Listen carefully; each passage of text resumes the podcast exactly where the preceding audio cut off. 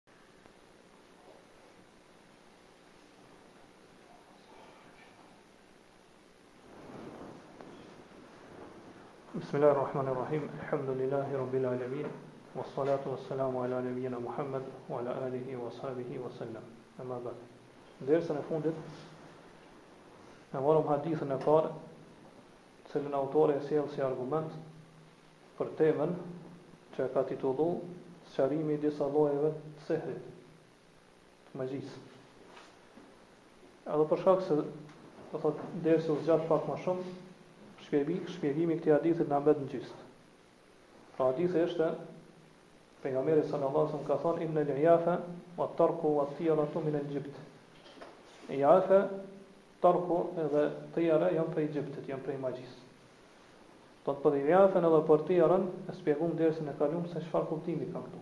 Po siç e thamë janë ngjashme me njëra tjetrën. Po tijera është më e përgjithshme, ka të bëjë me besimin në shenjat ogurzeza, apo ogurbardha, po gjitha shenjat, besimi në to dhe mbështetja në to është pi tijerës. Kurse ijafa është një lloj pi llojeve të tijerës, ose një, një pjesë e saj. E kjo është kur njeri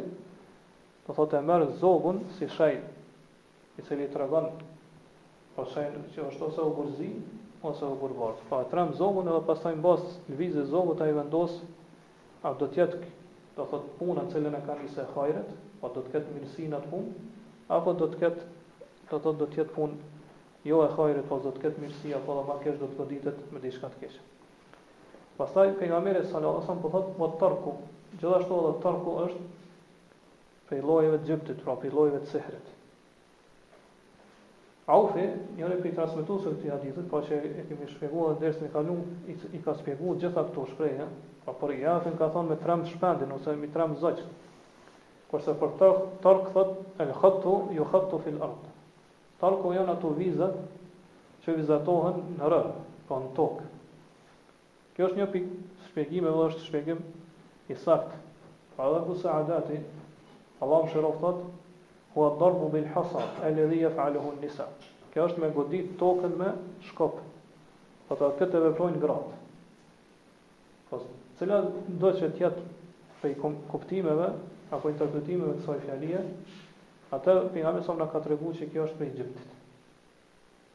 Pra është prej xhibtit, është prej llojeve të sihrit. Po, tark, kur falltori, vizaton viza në tokë. Edhe kjo, sikur është marrë prej fjalës, në gjuhën arabe që është tarik, pra rruga. Ngase në gjuhën arabe, kur dikush ecë, nëpër tokë, atëherë thuhet taraka yatruku, pra kur ecë në tokë dhe lën shenja ato, me këmbët e tina. Po ecë nëpër tokë dhe i lën shenjat, i lën gjurmët e tina. Do thotë njëjtë edhe rruga është një lloj gjurme e cila do thotë është në tokë. Prandaj edhe kjo fjalë është marrë prej fjalës tarik, pra prej rrugës. Pra kuptimi i kësajna është se Falltorët, edhe edhe ata që bojnë magji, domthon që qesin fall, që bojnë fall, i bojnë disa viza në tokë. Po bojnë viza ndryshme, shumëllojta në tokë. Pa pa numër të caktuar. E pastaj, do thotë falltori fillon me fshi ato viza, një ka një. apo dy nga dy shpejt, pra i fshin prej prej plot ato viza në tokë në rërë që i ka bo edhe pastaj kur mbesin disa viza të caktume thot këto viza që kanë mbetë në tokë të nda tregojnë se ka me ndodhë diqë kjo dhe kjo pra personi cili u drejtu te falltori thot tregojnë se ty ka me ndodhë kjo dhe kjo pra ose i thotë që këto tregojnë se ti ki mu baj pasë Apo ty ka me të godit ndonjë fatkeqësi. E kështu me radhë. Po kështu po e shohim që kjo është prej llojeve të fallit. Po të bërjes së fallit. Edhe do thot me bë fall është prej llojeve të sihrit, prej llojeve të magjisë. Dhe kështu e kuptojmë pse pejgamberi sa këtë lloj falli e ka quajt pra që është prej xhibtit, prej magjisë. Shejh Uthejmini, Allahu e mëshiroftë, thotë unë nuk di se qysh ia arrijnë ata qëllimit të tyre, po qysh përmes vizave, Pretendojnë se e dinë t'ardhmen. Ose pretendojnë se ka me ndodhë kjo apo ajo. Mirëpo, Sheh Fauzani, Allahu e rujt, thotë se kjo është një rrugë që e kanë përdorë, domethënë mënyrë, metodë që e kanë përdorë në xhahilijet, pra në iron, injorancën, periudhën e injorancës para islame. Thotë edhe ata e dinë se me këtë metodë, pra me këto viza, nuk mundën me arrit me ditë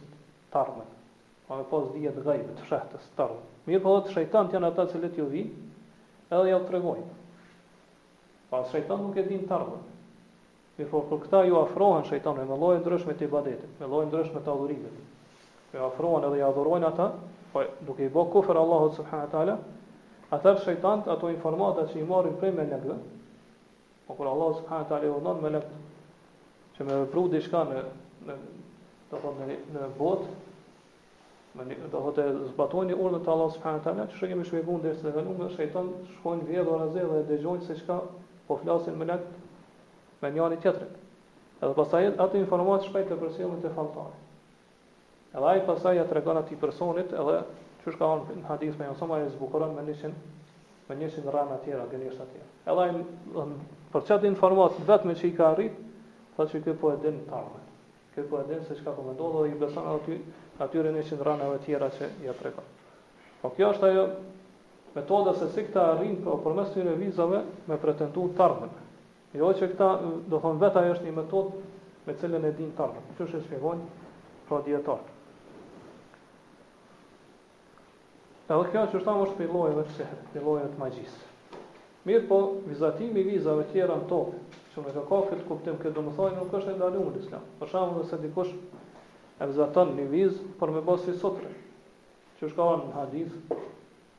Që ai i cili nuk gjon me qit diçka përpara si sutre, me vendos përpara tina kur falet, një objekt i cili duhet të jetë i lartë, pra s'gjon asgjë, atëherë le ta bëjë një vizë drejtim në drejtim të Qabes, të Kibles edhe le të falet.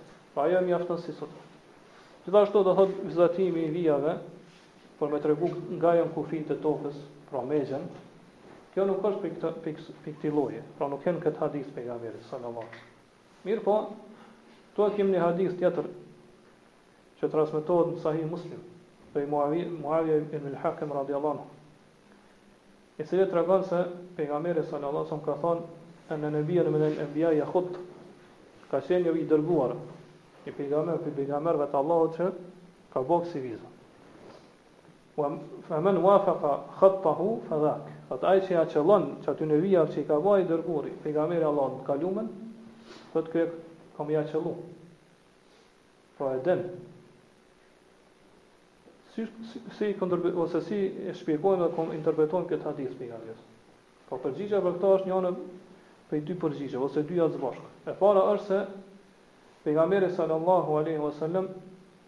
Po e kushtëzon këtë gjë me një çështje që nuk ka mundësi me arrit njeriu me ditë ato. Pra pejgamberi sa thot, kush ja qëllon vijës ose vizave që i ka ba ai pejgamber në të kalumen, atër kjo ja ka qëllu. Mirëpo kush na tregon neve se a ja kina qëllu këtyne vizave apo jo. Po këtë nuk e din kërkush. Këtë nuk e din askush.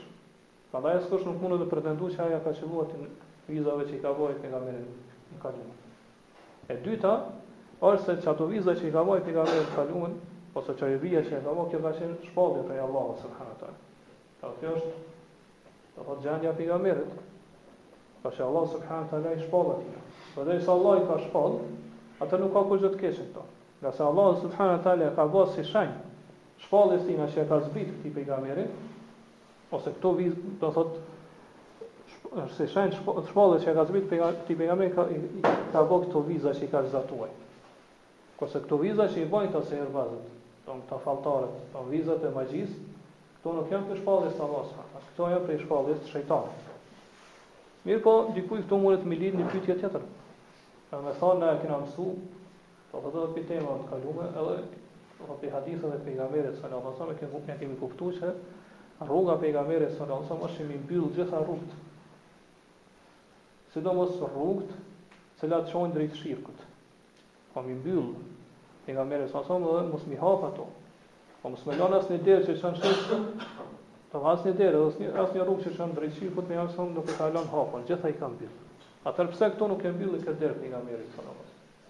Përgjigja për këtë është, Allahu e din ma së miri, do thotë që kjo ka qenë një çështje e njohur te njerëzit.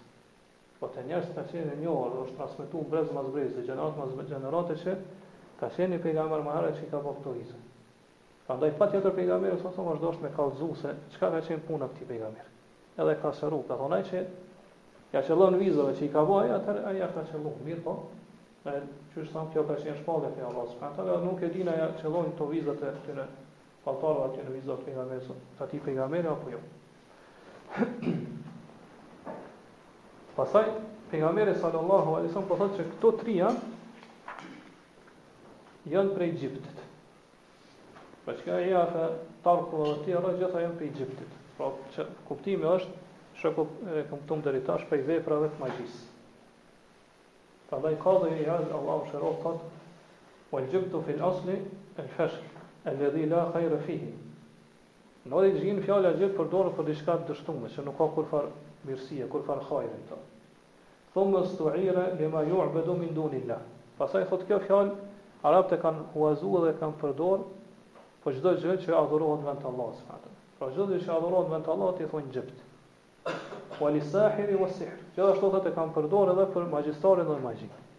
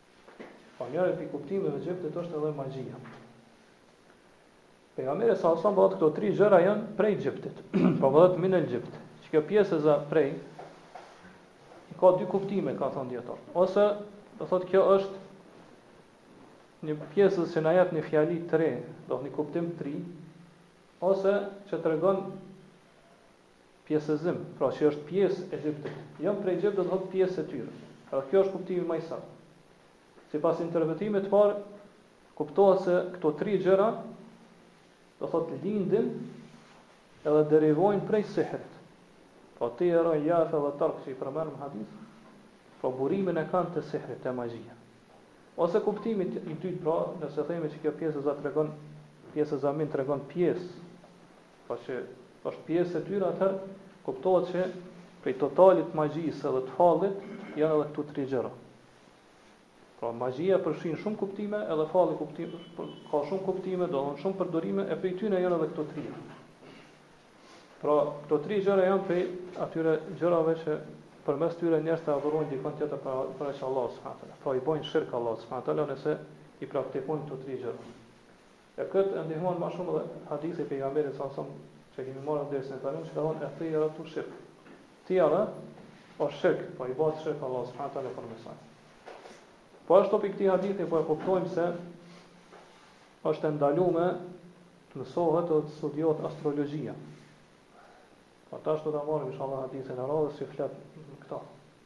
Pra të kësaj çështje. Ngase pejgamberi a.s. thjesht po tregon se vetëm me vizatu viza në tokë. Po edhe gjëra të ngjashme me këto, do thotë këto janë prej llojeve ose prej degëve të astrologjisë, pra është janë prej degëve të xhibtit, të sehrit. E si është fjala kur njeriu do thotë mëson komplet atë se është astrologjia apo punon me të. Po patjetër që ai ka bo sehr, pra dhe ka bo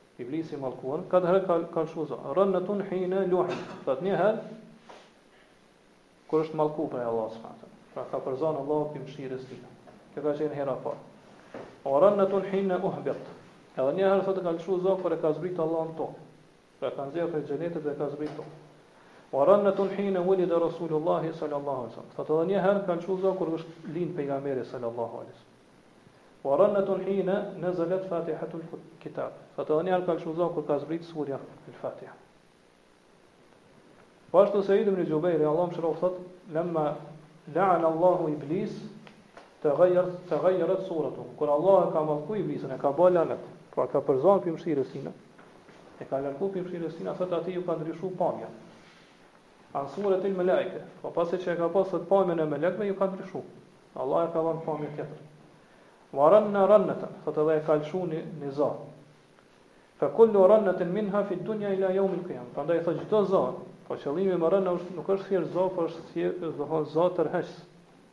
Pra zëri i cili tërheq melodik. Prandaj thotë çdo zo që është melodik dhe tërheqës deri në ditën e Kiametit është prej këtij. Zoni i shejtanit që ka lëshuar.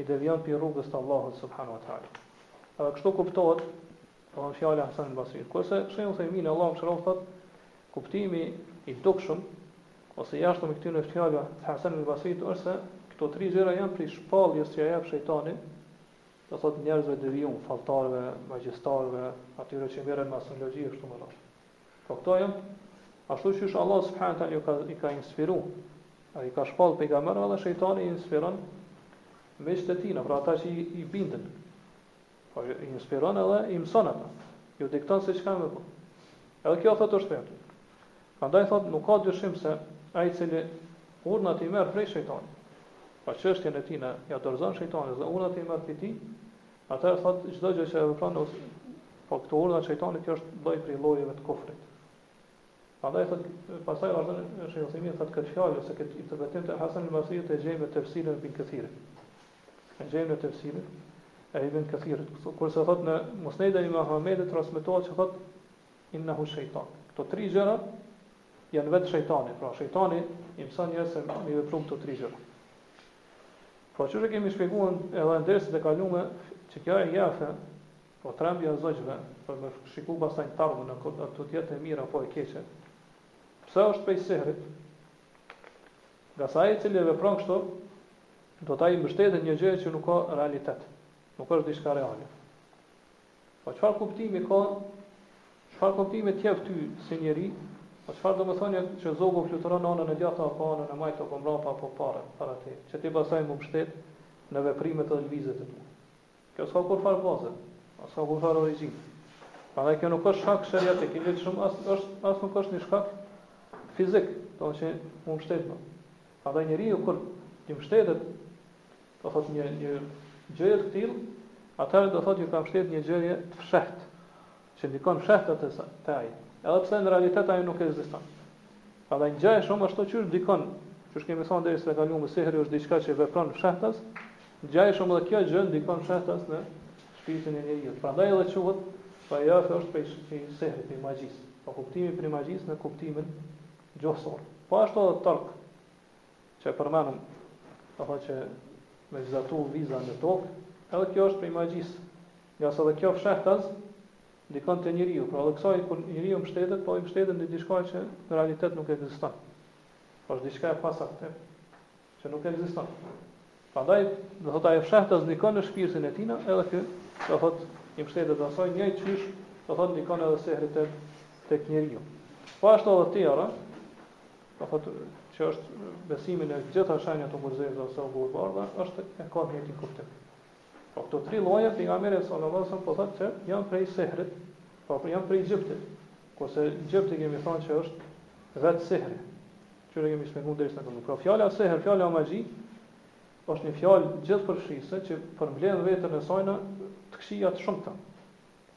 Këto të këqija ose bëhen përmes gjuhës ose përmes veprave.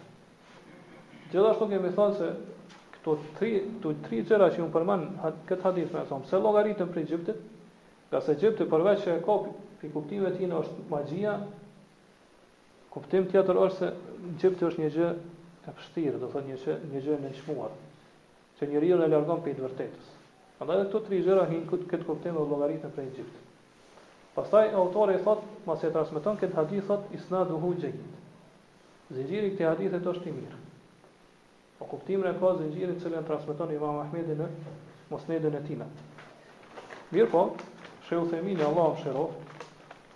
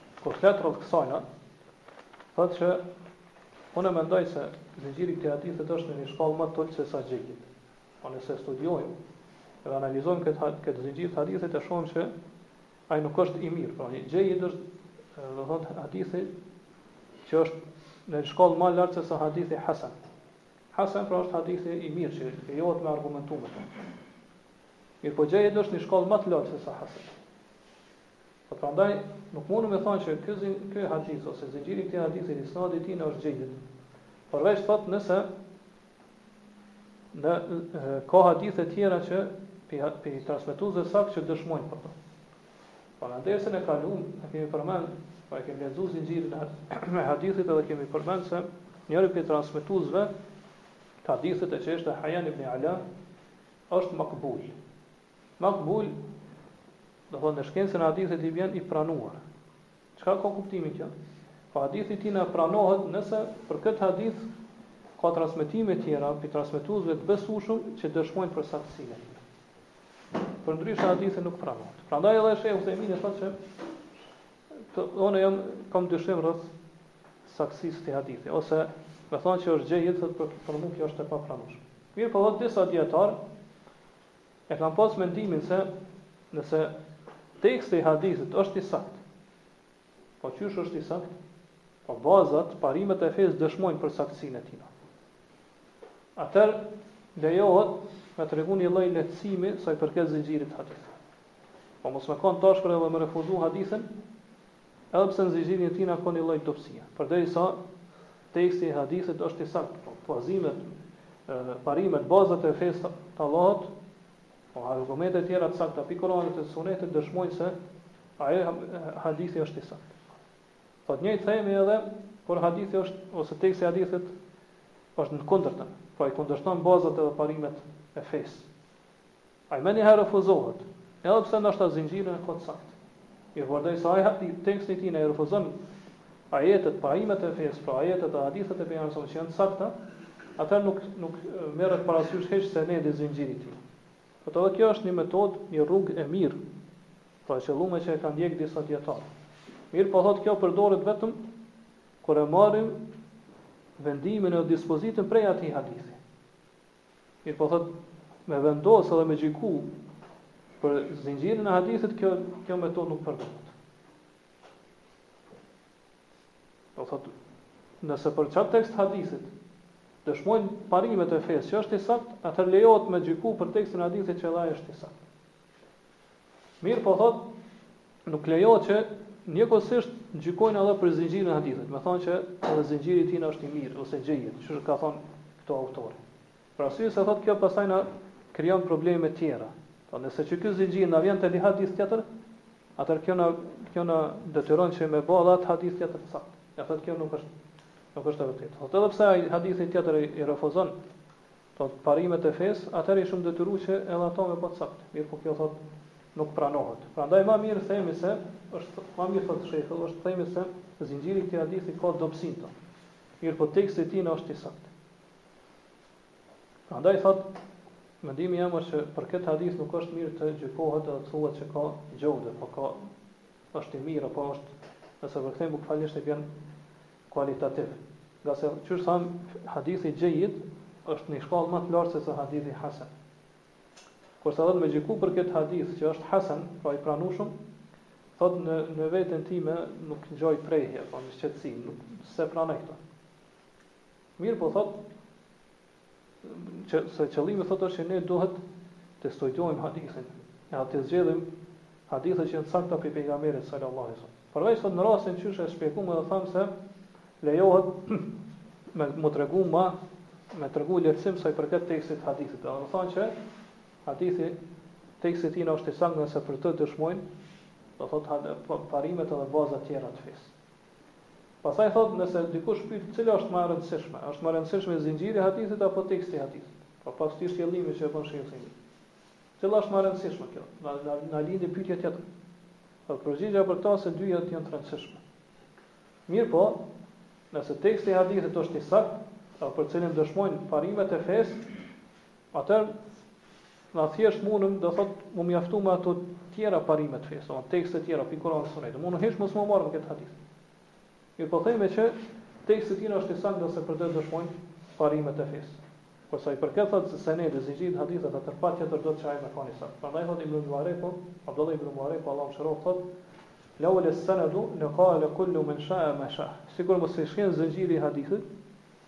Atëherë kush kish dëshiru kish thanë çka kish dashtë. Po secili kish shpik hadithe prej veti. Mirëpo është zinxhiri i hadithit ai që tregon do thotë rën, saktësinë e hadithit. Që tregon se a është i pranueshëm ai hadith apo jo. Pastaj autori po thotë që këtë hadith e transmetojnë Abu Davudi, Nesaiu, Ibn Hibbani në Sahihun e tij, e thotë El Musnad ibn. Pra e transmetojnë vetëm Fjalën e Pejgamberit sallallahu alejhi ve sellem. Jo këto shpjegime që kanë ardhur prej Aufit apo prej Hasan el Basriut. Po vetëm këtë hadithin prej Pejgamberit, këto e transmetojnë ta. Edhe pse Abu Davudi, do thotë në një transmetim tjetër,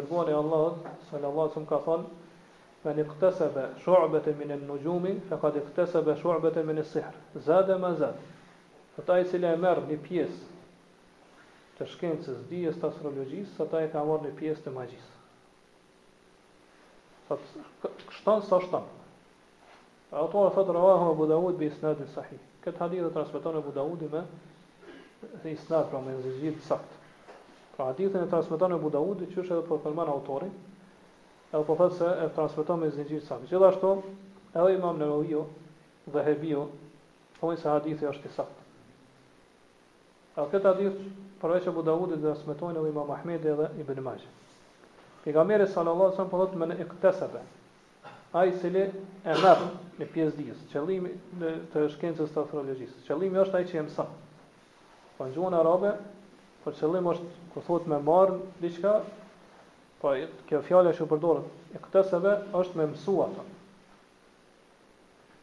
Nga se në gjuhën arabe nxënësi kur të shkon te mësuesi me marr dije prej tina, atër ai e merr do thot një lloj drite prej tij. Nga se fjala qabs, qabs në gjuhën arabe është një pjesë e zjarrit që e merr dikush për me ndriçu.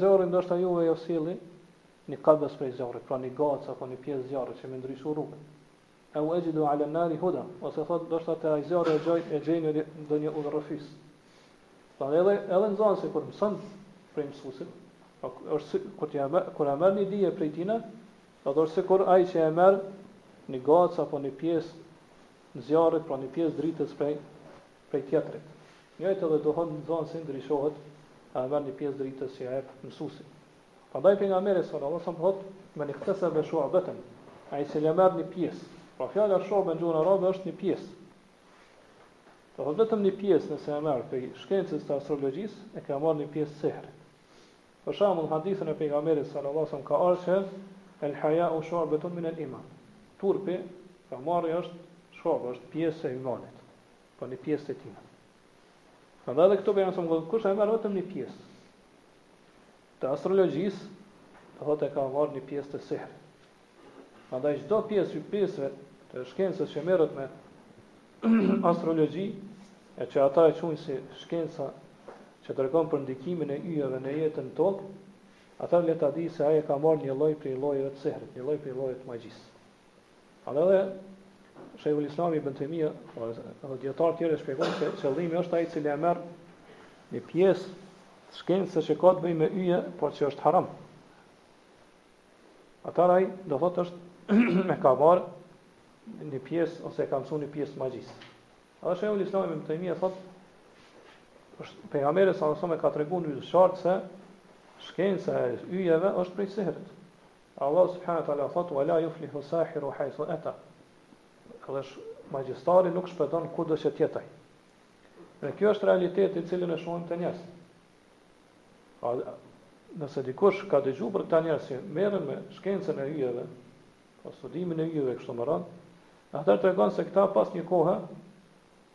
Do thotë gjithsesi kanë me fillu mu marrë me magji.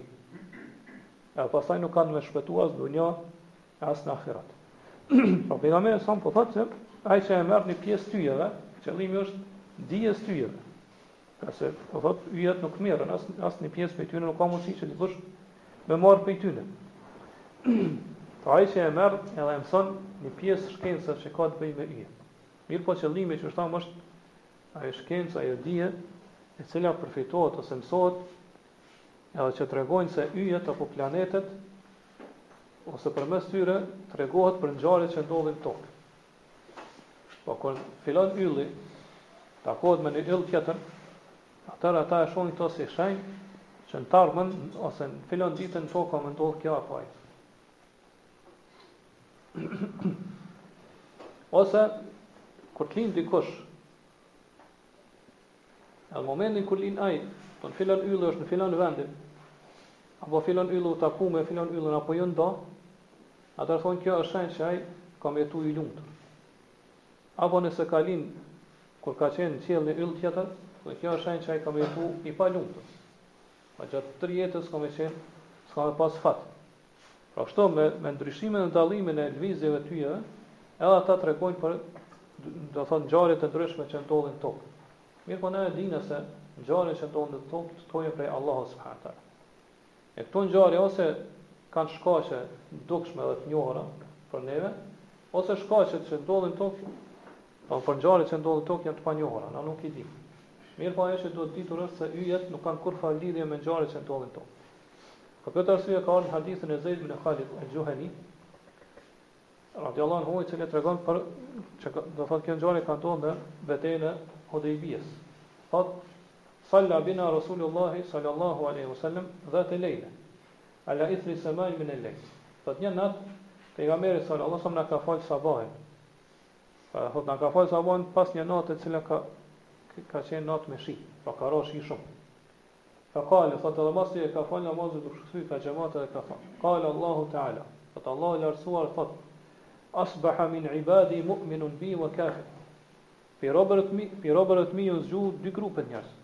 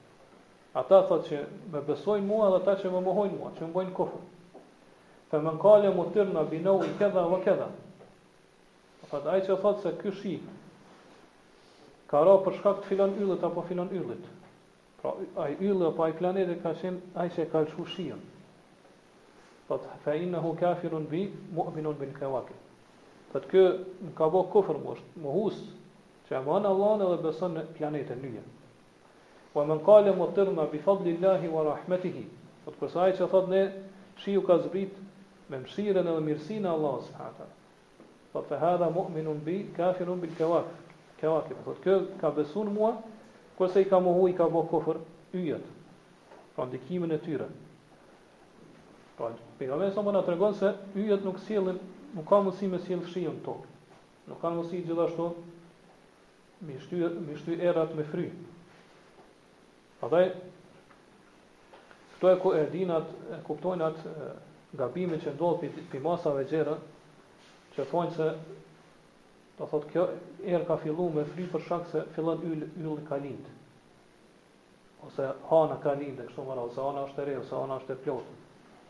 Ngase do thotë yjet edhe planetet nuk ndikojnë kurrgjë në në fryrjen e erë, erërave, as në rënien e shiut.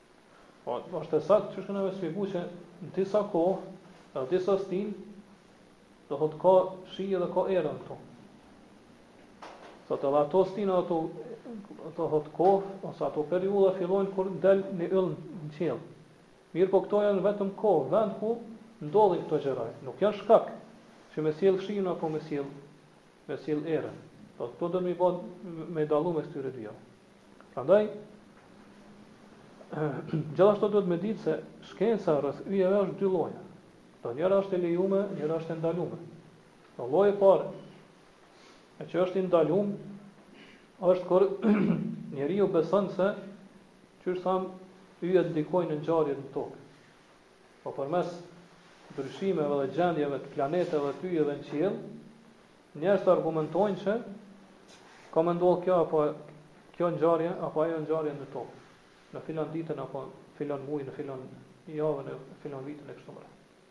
Po kjo njihet si shkencë e astrologjisë. Po ata thonë, thonë se kjo është një shkencë që ka të bëjë me shpirtin. Ata pretendojnë se çdo yll e ka dhe shpirtin e vet. Kështu pretendojnë ata.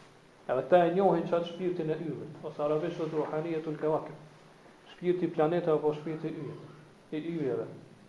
Thotë dhe përmes saj ata ndikojnë në ngjarje në tokë.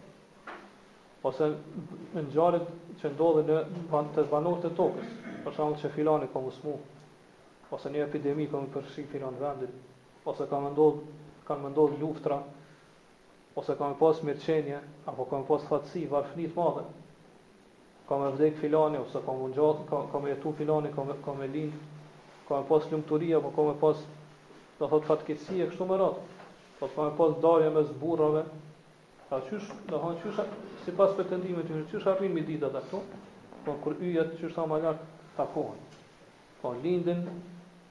me lindjen apo perëndimin e yjeve, apo kur takohen ato mes veti, apo kur ndahen. Pra këto i marrin ata si shenja që ka me nda ka me ndodh filan ngjarja në të ardhmen, ose në tokë ose te, te personi dhe kështu me radhë. Edhe do thot ata përveç kësajna do thot e kanë një si lloj tabele ku ata fillojnë me shkru ato ngjarje që kanë me ndodh do thot gjatë tërë vitit.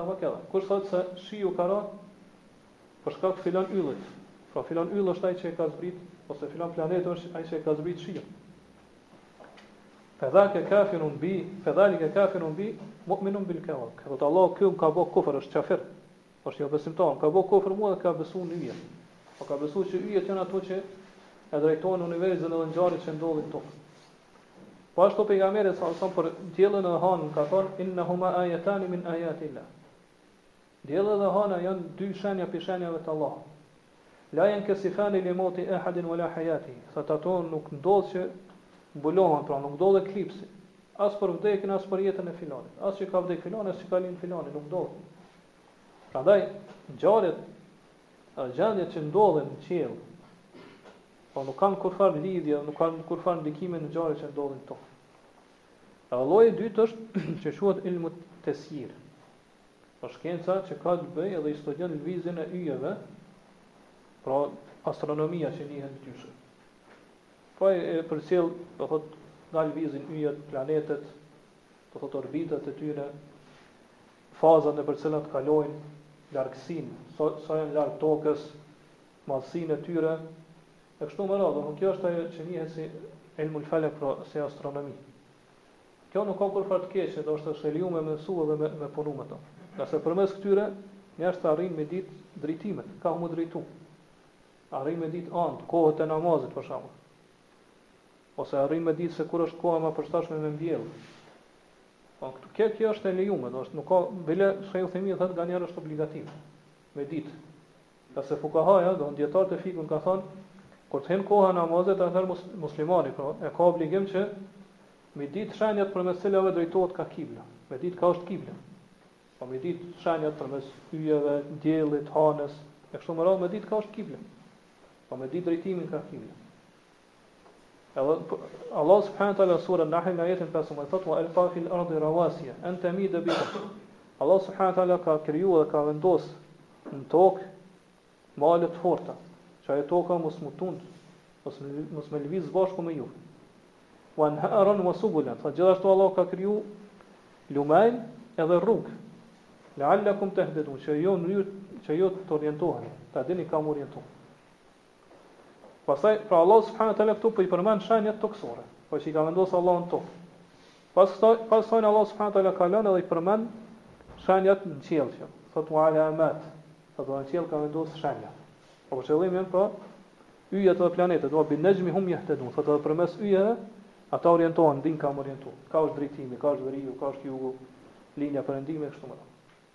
Pra kjo është është e lejuar që njeriu m'u orientu dhe me ditë ka është drejtimi përmes këtyre yjeve. Po ka kur fat kesh këto. Po me ditë s'pari me ditë do thotë edhe drejtimin ka është, pra ka kibla, ç' thamë ka është veriu, ka është jugu kështu. Apo do thotë përmes tyre arrin me ditë edhe kohën. Për shembull, tek ne ashtu kjo ma nuk është e dukshme mirë po te arabt, do thotë ku ka thatësi edhe mungesë shirave, të shiut, po ata ata e dinë se kur lind, edhe kur del filan ylli, atëherë kjo është koha kur do thot fillojnë me me zbrit shirat. Edhe përgatiten do thot për me mbjell tokën e me me lavru tokën e kështu me radhë. Ose thonë kur del filan ylli ose kur lind filan ylli është koha e pranverës. Po është koha kur ata do thotë do thotë është e përshtatshme për me mbjellë kështu me radhë. Po pejgamberi salallahu alejhi selam këtu po thotë ai që mëson një pjesë astrologjisë, ai e ka ose e merr e ka nxënë një pjesë sehrit, magjisë. Po ç' thamë qëllimi me sehr magji këtu është kuptimi më i gjerë, më gjithëpërfshirës se sa magjia për cilën kemi fol në temën e kaluar. Po magjia që është e njohur në jetën tonë. A pse pejgamberi son këto po e quajnë që është prej sihrit prej magjisë? Ngase do thotë njeriu përmes astrologjisë, do thotë ata pretendojnë se këto do thotë që siç thamë lëvizja e yjeve kështu me radhë takimi ndonjë kështu ndikojnë fshehtas në ngjarjet n'tokë. Andaj ashtu siç ndikon magjia fshehtas te një te, te njeriu, po përmes rrugëve të fshehta që nuk i dimë ne, ashtu pretendojnë ata që edhe këto edhe këto ngjarjet ose Lëvizjet e yjeve në qiell lart ndikojnë në ngjarjet në Tokë. Prandaj nga ky aspekt ose nga ky këndvështrim kjo është prej magjisë. Aspekti tjetër është është se edhe falltari, edhe magjistari, po edhe ai astrologu e pretendojnë të ardhmen. Po pretendojnë se e dinë se çka do të ndodhë n't'ardhmen.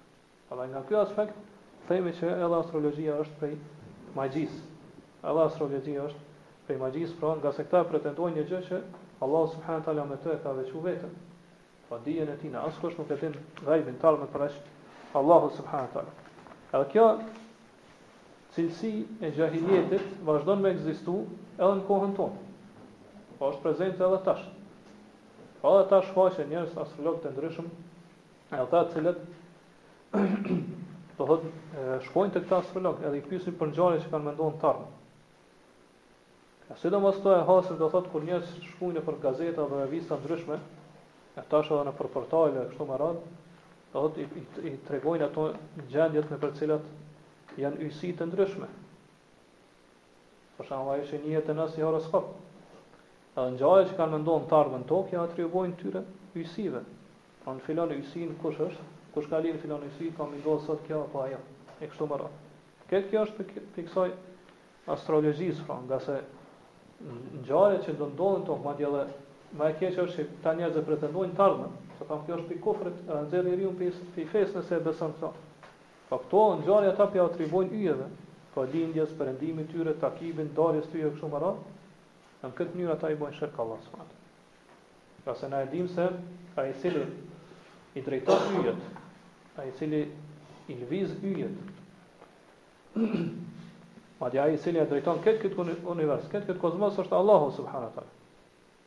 Askush tjetër përveç Tijna. Prandaj ne kemi obligim me besu këtë. Ndërsa sa i përket yjeve, planeteve, madje edhe gjitha krijesave, ato nuk kanë kurrfarë ndikimi në ngjarjet që ndodhin në tokë dhe te banorët e tokës. Ato nuk kanë mundësi me kriju diçka. Nuk kanë mundësi me sjell dobi apo me ia largu një të keqe dikujt. Përveçse me lejen e Allahut subhanahu wa taala. Pra,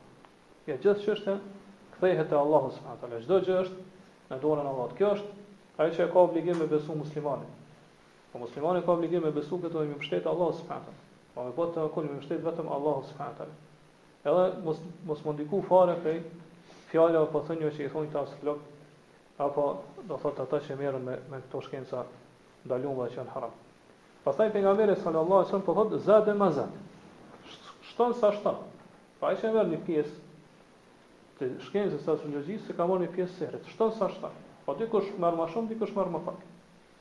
Po çfarë është kuptimi i kësaj shton sa shton?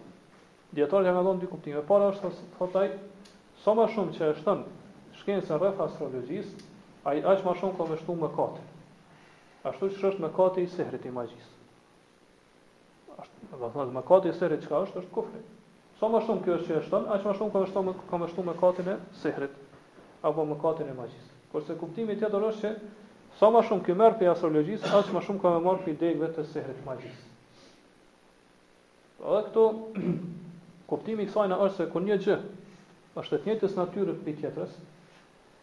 Atëherë, sa më shumë shton prej, prej njërës, ka me shtu prej tjetrës. Derisa qysh thamë këta persona arrijnë deri te ajo që ata e pretendojnë, pra te realiteti i dijes, pra arrijnë thonë me ditë realitetin e ndikimit të yjeve në tokë. Mirpo pejgamberi s.a.v.s. po na tregon se, do thotë, po na paralajmëron se ai që vepron kështu ka marrë prej magjisë. E sa më shumë shton, aq më shumë ka me shtu prej magjisë. Këto dy interpretime, këto dy kuptime janë t'ndërlidhura. Edhe secila prej tyre, do të thotë, e, e tregon tjetrën. Ngase ai që e shton mëkatin e magjisë, do thotë kjo kuptohet që do thotë shtimi i mëkatit t'magjisë është shtim apo degë e vetë shtimit të magjisë. Prandaj këto dy kuptime që kanë dhënë dijetarët janë të ndërlidhura njëra me tjetrën.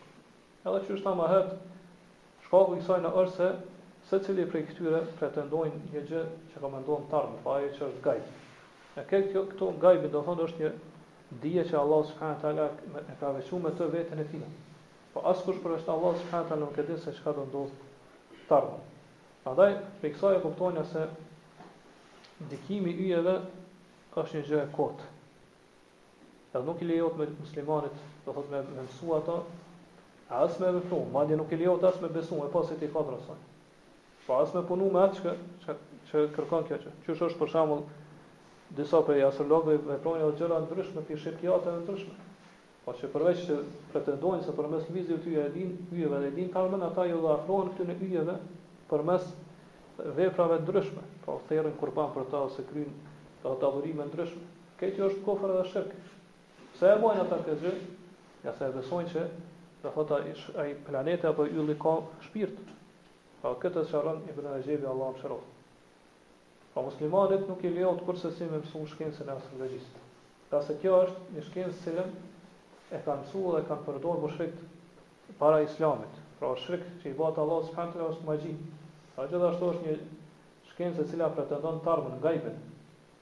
cilën nuk e din askush tjetër përveç Allahut subhanahu wa taala. Kurse yjet, Allahu subhanahu wa taala i ka kriju për arsye tjera, për qëllime tjera, që janë të dobishme për njeriun. E për to inshallah në të ardhmen do ta marrim një temë që është e veçantë, tema e cila flet, që e sjell autori dhe flet rreth yjeve.